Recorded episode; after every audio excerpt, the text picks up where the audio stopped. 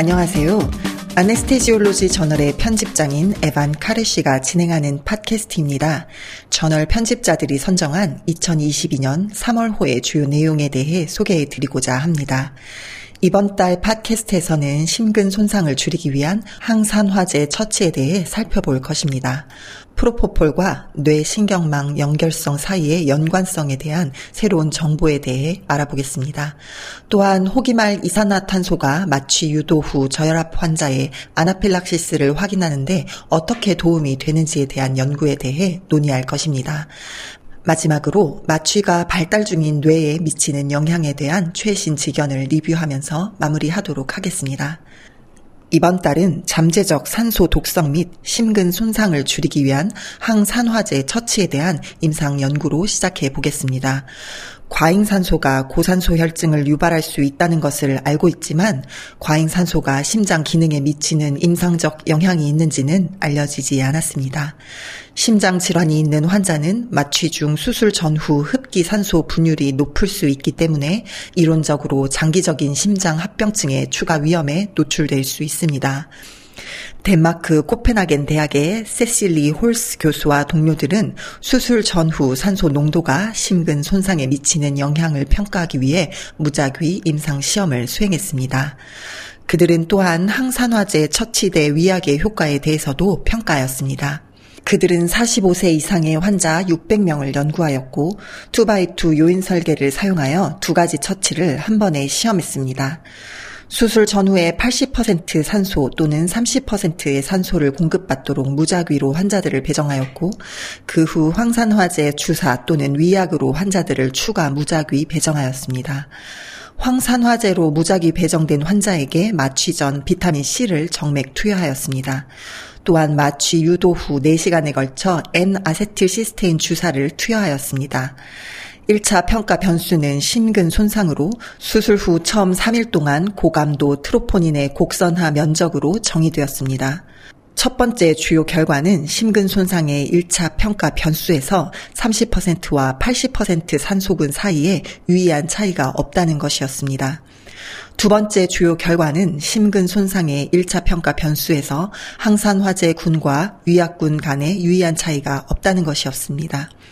30일 이내에 모든 원인의 사망률을 포함한 2차 평가 변수는 산소군 간 그리고 황산화제 또는 위약을 투여받은 환자 간에 유사했습니다.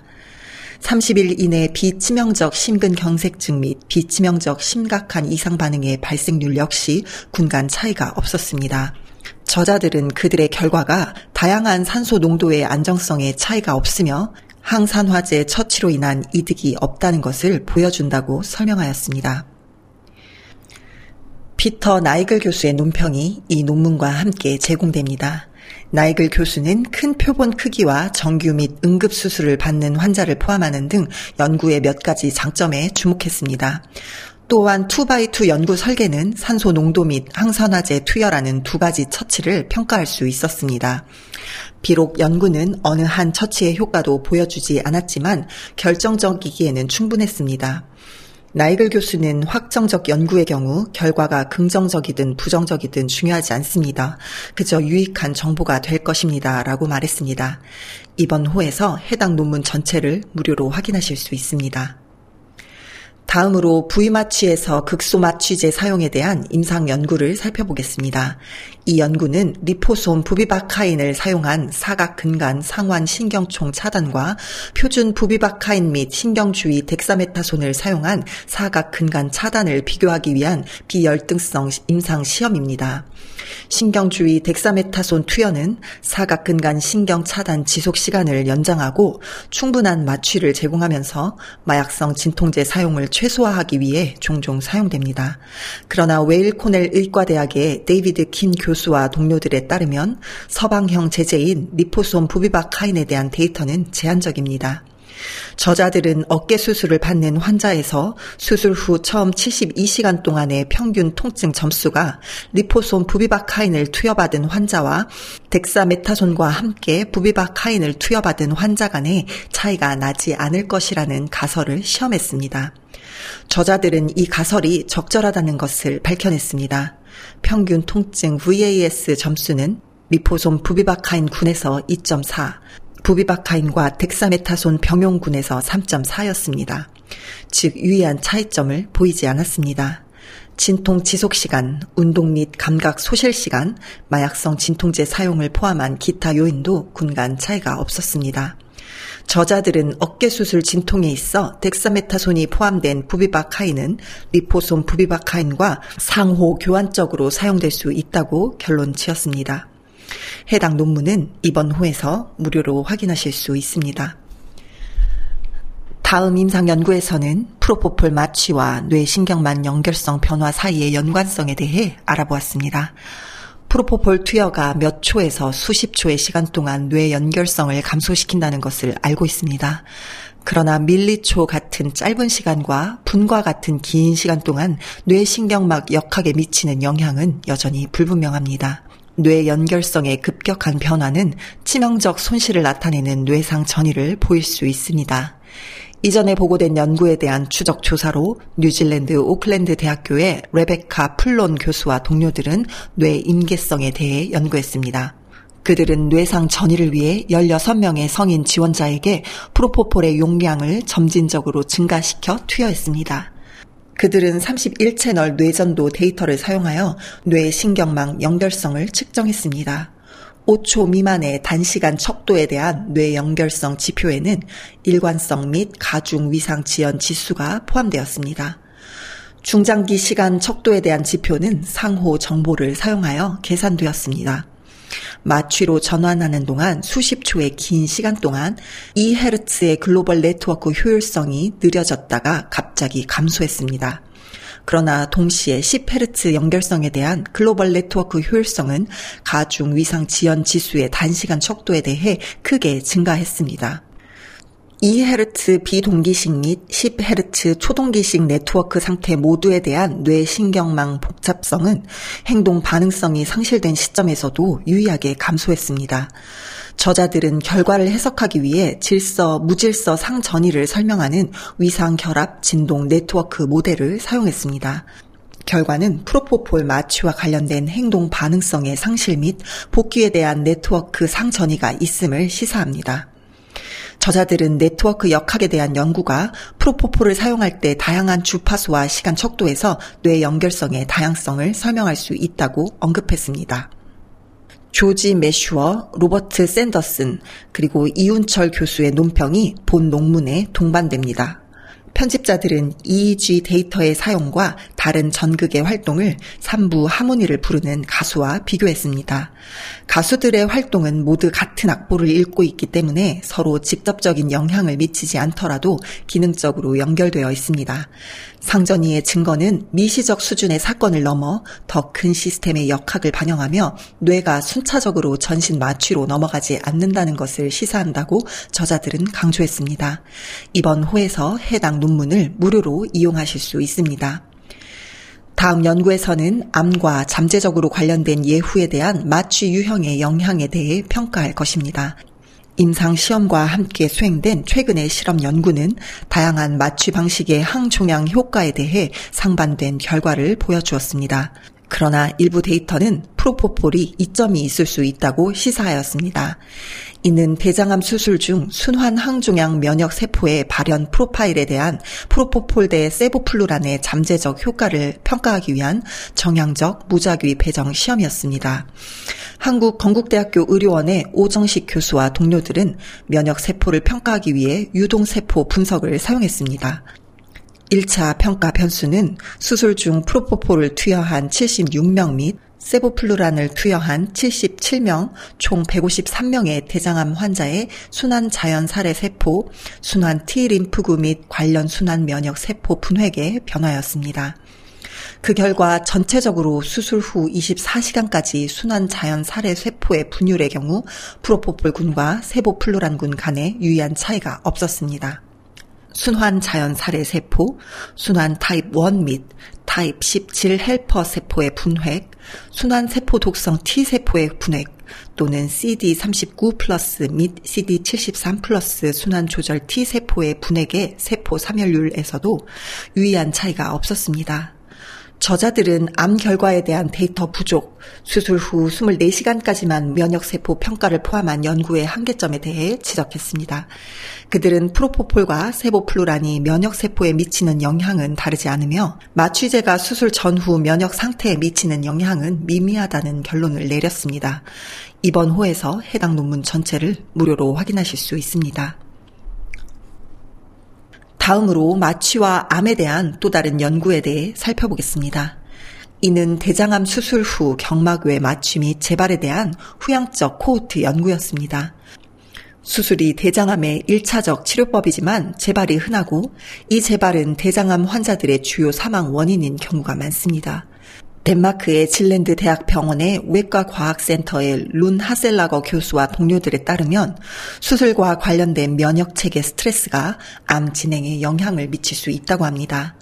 경막외 마취가 스트레스 반응을 완화하는 능력을 고려할 때 저자들은 경막외 마취를 사용하면 암 재발을 줄일 수 있다는 가설에 대해 시험했습니다. 그들은 덴마크 암 데이터베이스에서 2004년에서 2018년 사이에 대장암 수술을 받은 1만 1000명 이상의 환자를 확인했습니다. 이 중 약 30%는 수술 전에 경막외 카테터를 삽입했습니다. 대장암 재발이 1차 평가 변수였습니다. 58개월 중앙값의 추적 조사 기간 동안 경막외 마취를 한 환자의 19%, 경막외 마취를 하지 않은 환자의 20%에서 암이 재발에 큰 차이가 없었습니다. 사망률은 두 군 모두에서 약 32%였습니다. 저자들은 표본 크기가 크기 때문에 연구 결과가 의미가 있지만 경막외 마취의 정확한 시기, 기간 및 투여량에 대한 데이터가 부족하다는 점을 한계점으로 지적했습니다. 그들의 연구 결과는 경막외 마취를 받은 환자에서 생존율이 더 높고 재발이 적었다는 다른 연구와 대조되었습니다. 그러나 저자들은 부위 마취에 근거한 재발의 차이가 없는 다른 연구도 인용했습니다. 저자들은 대장암 수술에서 경막외 마취가 암 재발 감소와 유의한 관련이 없다고 결론 지었습니다. 해당 논문은 이번 호에서 무료로 확인하실 수 있습니다. 다음으로 마취 유도 후 저혈압이 있는 환자에서 아나필락시스를 진단하기 위해 호기말 이산화탄소를 사용하는 것에 대한 후향적 환자 대조군 연구에 대해 보도록 하겠습니다. 마취 유도 직후 중증의 저혈압이 발생하면 아나필락시스가 종종 의심되지만 이러한 저혈압은 여러 가지 원인이 있을 수 있습니다. 이전 연구에서는 호기 말 이산화탄소의 급격한 감소가 아나필락시스를 나타낼 수 있고 신속한 치료를 가능하게 할 수 있다고 제안했습니다. 그러나 저혈압 환자의 아나필락시스와 비과민 반응을 구별하는 호기말 이산화탄소의 능력은 알려지지 않았습니다. 프랑스 릴 대학의 클레멘스 에리히 교수와 동료들은 이 가설을 시험하고 알레르기성 또는 비알레르기성 아나필락시스 환자의 호기말 이산화탄소와 마취 유도 후 다른 원인으로 인한 중증 저혈압 환자의 호기말 이산화탄소를 비교했습니다. 그들은 단일 센터에서 2010년에서 2018년 사이에 수술을 받은 18세 이상의 환자를 대상으로 했습니다. 이 중 49명은 수술 전후 즉각적인 과민 반응을 경험했고 555명은 유도 후 저혈압을 경험했습니다. 저자들은 전반적으로 저혈압군보다 아나필락시스 군에서 호기말 이산화탄소 분압과 수축기 혈압이 모두 유의하게 낮다는 것을 발견했습니다. 저자들은 심박출량이 저혈압군에서 상대적으로 영향을 받지 않았지만 아나필락시스 군에서는 감소했다고 덧붙였습니다. 연구 결과는 후양적 디자인과 교란 변수에 대한 결론을 도출할 수 없다는 점에서 부분적으로 한계점이 있습니다. 그러나 저자들은 호기말 이산화탄소 분압이 임상 진료에서 사용할 수 있는 민감하고 특이적이고 독립적인 아나필락시스 표지자라고 결론 지었습니다. 이번 호에서 해당 논문 전체를 무료로 확인하실 수 있습니다. 이번 달 첫 번째 리뷰 논문은 폐이식 환자의 수술 후 관리에 대해 다루고 있습니다. 폐이식의 수는 전 세계적으로 증가하고 있으며 예후는 계속해서 개선되고 있습니다. 5년 생존율은 약 60%입니다. 하지만 리뷰에서는 공여자와 수혜자의 위험 요인 및 특성을 포함하여 수술 전후 위험 증가와 관련된 요인을 파악하였습니다. 로마에 있는 밤비노 게수 어린이 병원의 마테오 디 나르도 교수와 동료들은 중환자실 폐 이식 환자의 수술 후 관리에 대한 최신 정보를 제공했습니다. 저자들은 기계환기 관리, 수행 및 혈역학적 관리, 면역 억제 요법, 신경학적 합병증의 예방 및 관리, 항생제 치료, 영양 지원 및 복부 합병증 관리 등 6가지 주요 영역을 다루었습니다. 그들은 ICU에 있는 폐 이식 환자에서 발생할 수 있는 주요 가능한 수술 후 합병증을 검토했습니다. 이 중 1차 이식변 기능 장애가 가장 관련이 있다고 설명했습니다. 이러한 형태의 호흡 곤란은 단기 및 장기 이환율 및 사망률과 관련이 있습니다. 1차 이식편 기능 장애의 위험 요소를 더 깊이 탐구하길 원하는 독자를 위해 저자들은 공여자 요인, 수혜자 요인, 공여자, 수혜자 상호 작용과 관련된 위험 요인에 대한 유용한 설명을 포함했습니다. 공여자 요인의 예로는 기관지 순환, 장기 기증 유형 및 인구 통계 등이 있습니다. 수혜자 위험 인자의 예로는 수혜자 동반 질환 및 폐 진단이 포함됩니다. 공여자, 수혜자 상호작용 위험 요인에는 허혈 재관류 손상, 크기 불일치, 면역 일치 및 감작이 포함되었습니다. 폐이식 환자의 다른 흔한 합병증으로는 심부전, 심실상 빈맥 및 심낭염, 선막 및 위내용물 흡인 등이 있습니다. 이 리뷰는 기계 환기에 대한 전략을 설명하는 자세한 표와 폐 동종 이식 기능 모니터링에 대한 설명이 포함되어 있습니다. 저자들은 주로 지난 10년 동안 발표된 연구를 토대로 리뷰를 작성했습니다. 그들은 폐 이식 환자의 수술 전반 및 수술 후 관리의 중환자실 전담 전문의, 흉부외과의 폐렴 전문의, 전염병 전문의, 간호사, 임상약사, 물리치료사, 사회복지사, 심리사의 통합치료가 필요하다고 강조했습니다. 이번 호에서 해당 논문을 무료로 이용하실 수 있습니다.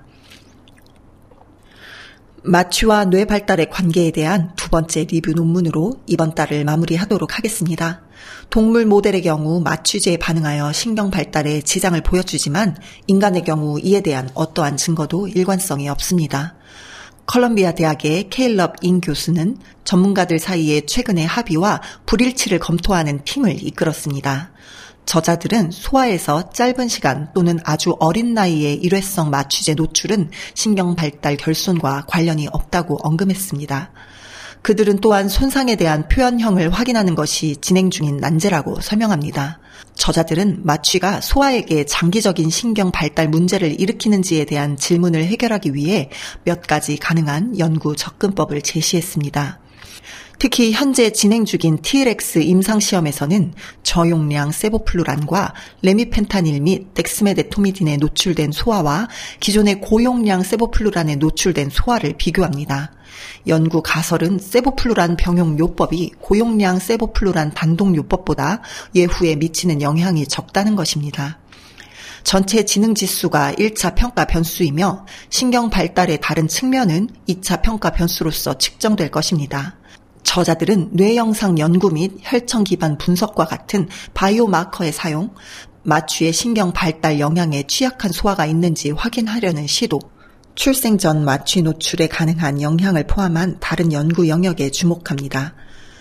소아 신경 독성 연구를 수행해야 하는 어려움에도 불구하고 수술 및 마취를 받는 소아에 대한 임상적 의사 결정의 정보를 제공하기 위해서는 더 많은 연구가 필요합니다. 저널 웹사이트에서 새로운 연구 및 논평에 대해 알아보실 수 있습니다. Anesthesiology의 논문 등을 제출하는 방법에 대해 자세히 알고 싶으시면 저널 웹사이트의 Submission Advice 페이지를 방문하시기 바랍니다. 해당 페이지는 편집자들의 기대치에 대한 이해와 성공적인 원고 작성을 위한 청사진을 제공합니다. 항상 저희 팟캐스트를 들어주시고 아네스테지올로지를 성원해 주셔서 감사합니다. 제시된 정보가 귀하의 임상 진료에 있어 지침이 되고 임상 진료를 향상하는 데 도움이 되기를 바랍니다. 다음 달에는 더 중요한 연구 결과에 대해 여러분과 공유할 수 있기를 기대합니다.